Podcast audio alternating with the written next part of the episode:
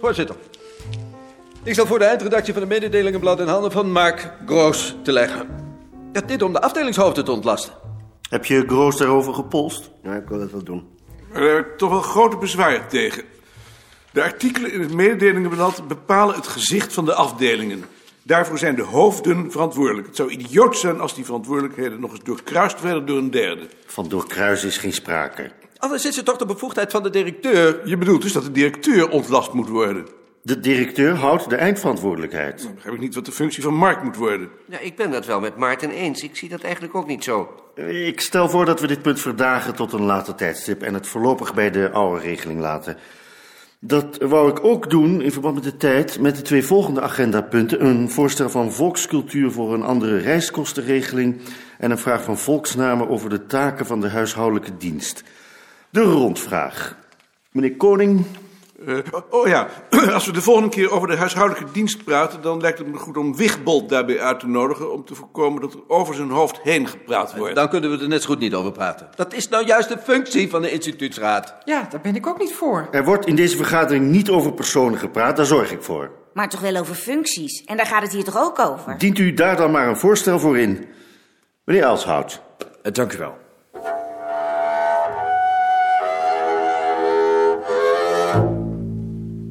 Waarom wou je eigenlijk Simon niet als nodulist hebben?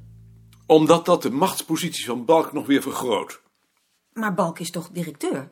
Ik heb geen bezwaar tegen dat Balk directeur is... maar ik zou het catastrofaal vinden... als hij zich met ons beleid gaat bemoeien... en daarbij de instituutsraad als instrument gaat gebruiken. Waarom ben je daar toch zo bang voor? Balk is medievist. Namen zijn voor hem rudimenten, soms middeleeuwse rudimenten. En als zodanig gebruikt hij ze. Dat geldt ook voor rentjes. En het geldt op hun terrein ook voor de mensen van volkstaal. Op volkstaal hebben ze net als Balk heel weinig belangstelling voor processen. Het is allemaal puur beschrijvend. Behalve Engelien misschien, maar daar heb je niks aan. Die is uitzonderlijk op aard om zelf te schitteren. Bij die voorstellen voor samenwerking die ze in de stafvergadering deden, was dat al te zien. Als Balk een centraal beleid moet formuleren, zal hij willen dat wij ons ook weer op rudimenten gaan richten. Zoals Beerta dat deed en zoals dat in de Europese atlas gedaan werd. Hij zou daarin Rentjes en de Rode zonder moeite meekrijgen en wij zouden onherroepelijk de aansluiting in ons vak en onze eigen identiteit verliezen. Denk je dat nou echt? Daar zijn we toch zelf bij? Ze kunnen ons toch niet dwingen? Als ze de wetenschapscommissie meekrijgen, je hebt van appel en box wat dat betreft niets te verwachten. Dus jij denkt dat een centraal beleid niet eens mogelijk is? Als wij het mochten formuleren, En denk je dat je ze daarin niet meekrijgt? misschien een ander die minder weerstanden oproept, maar dan toch pas op de lange duur. Ik weet het niet hoor. Ik denk dat je te somber ziet. Balk is intelligent genoeg om in te zien dat hij jou nodig heeft. Meer dan Rentjes of de Rode. Ik ontken niet dat Balk intelligent is, maar aan mij heeft hij geen boodschap. Ik lig hem niet. Anders had hij dit soort zaken al lang met mij gesproken. Ik stoor toch niet? Nee, je stuurt niet. Misschien moet jij eens met hem praten. Ja. Ik heb hier een verzoek van ZWO om een beschrijving van jullie onderzoeken. Aan wie moet ik dat geven? Aan mij. Het ging moeizaam, hè? Het ging moeizaam. Maar jij was tenminste solidair. Nou ja, ik vond gewoon dat jij gelijk had. Kom, Joris. Mark, was er nog een idioot voorstel om jou de eindredactie van het mededelingenblad te geven? Ik vond helemaal geen idioot voorstel. Idioot. De manier om binnen de kortste keren ruzie te krijgen. Misschien hebben we dat al. Maar goed, daarvoor kom ik niet. Ik kom alleen zeggen dat ik donderdag maar niet meega naar de promotie van Vreeburg. Ik voel me wat eh grieperig. Jammer. Dat weet ik niet. Het zat hem niet lekker van dat mededelingenblad. Die indruk heb ik ook. Als Mark 50 jaar geleden geboren was, zou hij een bochel hebben gehad. Lijkt me ook. Mensen met bochels hebben vaak iets ingehouden kwaadaardigs, is mijn ervaring. Hoe zou je er eigenlijk aan komen? Ik denk iets met de geboorte. Want je ziet het zelden meer. Onlangs zag ik er nog een in de duinen. Met een grote zwarte bouffier. Maar, ehm, ga eens eten. Eh, wie heeft de karnemelk gehaald? Eh Eve, ik wil eigenlijk naar de bibliotheek vanmiddag. Ga je gang. Ja, tot morgen dan maar. Tot morgen. Ad heeft nu ook kritiek op mijn stuk. Precies dezelfde als jij. Maar heb ik gehoord, ja. Ik vind dat wel ontzettend slap, om in de waarheid te zeggen. Dat begrijp ik. Maar praten we er nog over als Mark het ook gelezen heeft? Wanneer denk je dat het daar maar klaar is? Geen idee. Ik wou eigenlijk naar huis vanmiddag. bent eventjes goed zat. Ga maar naar huis, maar maak er niet een al te grote zaak van, want je ideeën zijn echt zo gek niet. Maar wat heb ik daar aan als het dan toch nog wordt afgekeurd? Jouw tijd komt nog wel. Ja. Tot morgen dan maar. Tot morgen. Het zat hem nog steeds dwars dat hij zich in de vergadering had laten gaan, terwijl hij wist dat hij die slag zou verliezen. Wanneer hij dat achteraf probeerde te begrijpen, kwam het er als altijd weer op neer dat hij niemand boven zich en niemand naast zich duldde. Hij wilde alleen verantwoordelijk zijn en dan niet uit honger naar macht, maar omdat hij zich bedreigd voelde. Maar misschien gold dat wel voor iedereen die macht zocht. Hij dacht na over de reacties van Ad en Sien en verbaasde zich erover dat zelfs zijn eigen mensen de gevaren die hij zag en waartegen hij ze voor zijn gevoel verdedigde, niet zagen.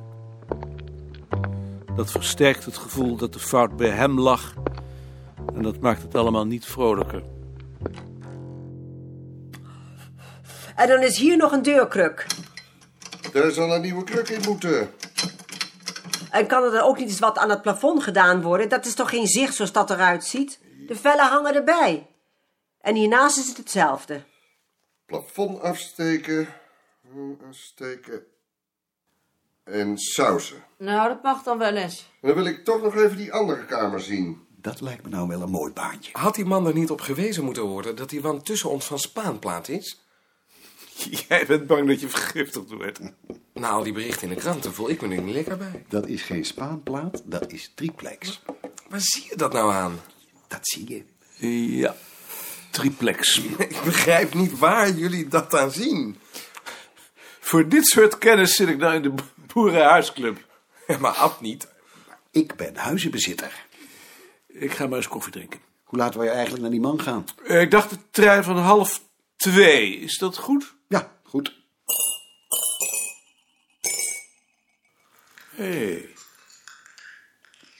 Geert. Oh, ben jij het? We zien je haast nooit meer. Wat? Dag, meneer Meijering. Ik dacht dat je elke week zou komen. Wie? Jij. Ik? Je zou toch een dag in de week komen omdat je nog wat werk moest afmaken? Hoe kom je daar nou bij? En hoe bevalt Rietje het daar nou? Oh, wel goed geloof ik. Heb jij wel eens gehoord dat er in de oorlog onderduikers in het hoofdgebouw zaten? Nee, hoezo? Omdat Arend van Woerden daar een snierend stukje over schrijft in het Handelsblad. Nooit van gehoord, maar ik zal de Beert daar wel eens naar vragen. Doe dat, maar het lijkt me onzin.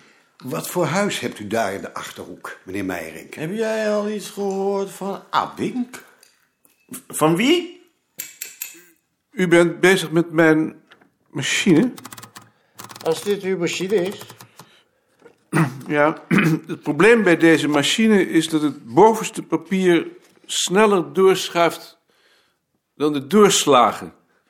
Huh? Ik vroeg me af of het misschien aan de rol kon liggen. Ja, dat kan Eh, wel, maar waarschijnlijk ligt het aan het papier. Hoeveel doorslagen gebruikt u? Dat is verschillend. Ja, dan Ah, zal het daar wel aan liggen. Kan die rol niet wat sterker worden ge- ge- geklemd? Ja, dat kan wel, maar dat doen wij nooit. Hm.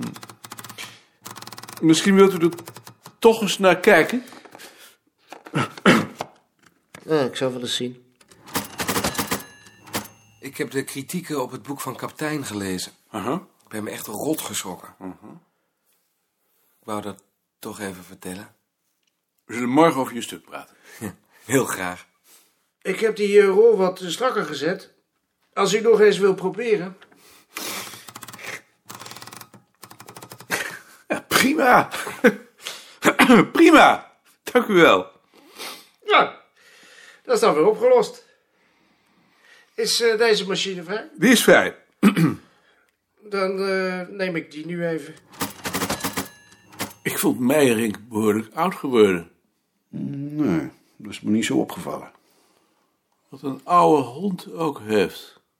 Je bedoelt wat blauwige ogen. Met wat eeuwigheid erin. Halfweg God. Nee, dat kan ik niet zeggen. Hij gaf niet eens antwoord toen je wat vroeg. Dat is waar. Viel me wel op dat hij wat dikker is geworden. Rustiger.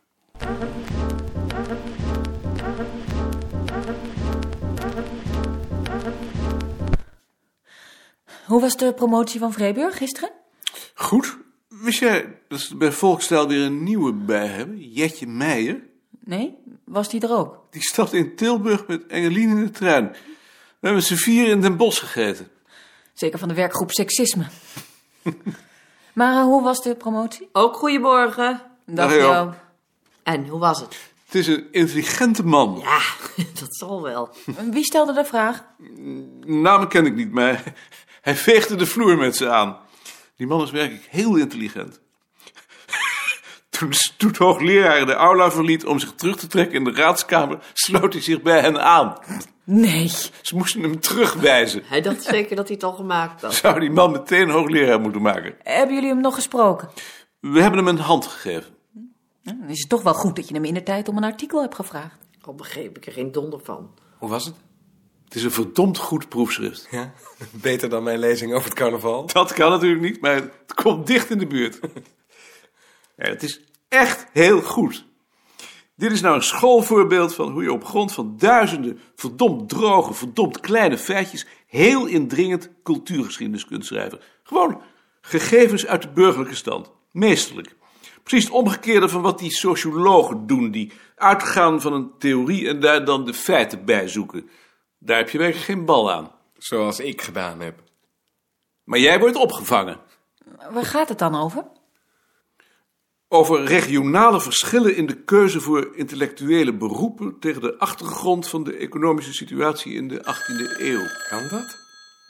Het is hem gelukt. Ja, koning? Er zijn hier een paar studenten die zeiden dat ze voor volkscultuur kwamen. Ik heb ze doorgestuurd naar boven. Dank u. Eh, Gert, er komt een groep studenten voor ons omhoog. Wil jij die opvangen? Ja. E, En? Wat willen ze? Gegevens over het straatleven in het begin van deze eeuw. Wat moet ik daar in godsnaam mee? Dat, dat hebben we toch niet? Carnaval, kerstboom, midwinterhoorn, dat zijn wij. Maar de straat. Wat zijn het eigenlijk? Meisjes, regelkomt, Ik bedoel, wat studeren ze? sociologie. Daar sta jij toch het dichtst bij? Ja, maar dit kan niet. Geef ze anders het register. Ik stuur ze naar het documentatiecentrum. Dit kan ik niet. Kunnen we niet eens wat doen aan die bezoekers? Het is toch eigenlijk zonde van onze tijd? Het is onze achterban. We ontlenen er ons bestaansrecht aan.